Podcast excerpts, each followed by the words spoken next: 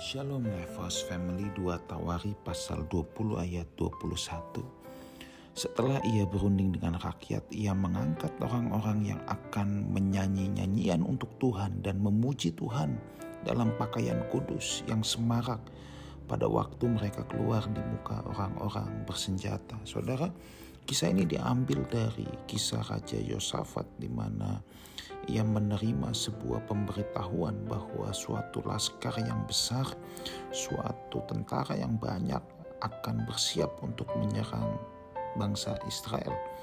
Dan di sana Yosafat menjadi takut, lalu ia mengambil keputusan untuk mencari Tuhan.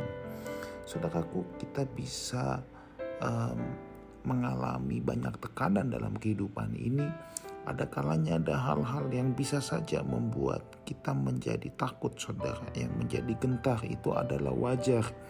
Saudara tidak mungkin dalam hidup ini selama kita masih hidup kita tidak ada rasa takut. Itu tidak mungkin. Tetapi persoalannya adalah apakah kita dikuasai oleh ketakutan itu? Nah kita bisa melihat apa yang Yosafat lakukan saudara.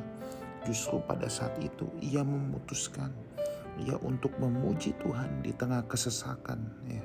Nah, ini menunjukkan apa? Bahwa ia tetap fokus pada Tuhan, bukan pada tantangan yang ada. Fokus pada Tuhan, bukan pada persoalan yang ada.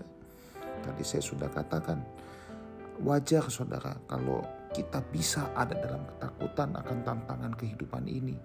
Tetapi sekarang persoalannya apakah kita mau fokus pada masalah dan kemudian kita menjadi takut dan ketakutan itu mencengkram segenap kehidupan kita, membuat kita hidup seperti orang yang dijajah.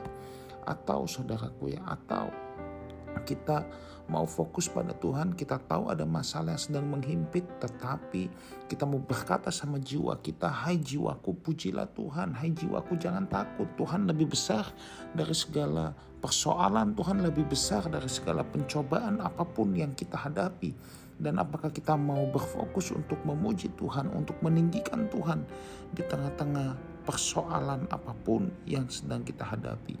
Yosafat di tengah medan pertempuran itu, di tengah kesesakan, yang ia pilih adalah ia berdiri tegak memuji Tuhan. Saudara, marilah kita meninggikan Tuhan di atas segala persoalan kita. Ya.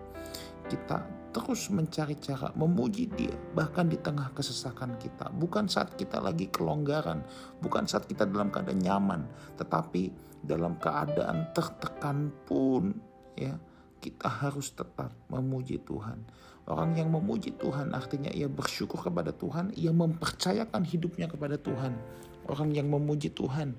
Artinya ia menyadari bahwa Tuhan ada dalam kontrol akan segala sesuatu yang sedang kita alami. Memuji Tuhan juga berarti kita mempercayai Tuhan, tetap bersikap positif terhadap Tuhan, bahwa kita percaya Ia baik, perlindungannya sempurna dalam kehidupan kita semua. Bapak, ibu, saudaraku, saya tidak tahu apa yang sedang kita alami, hadapi hari-hari ini, tetapi saya percaya kita semua punya tantangan yang berbeda-beda.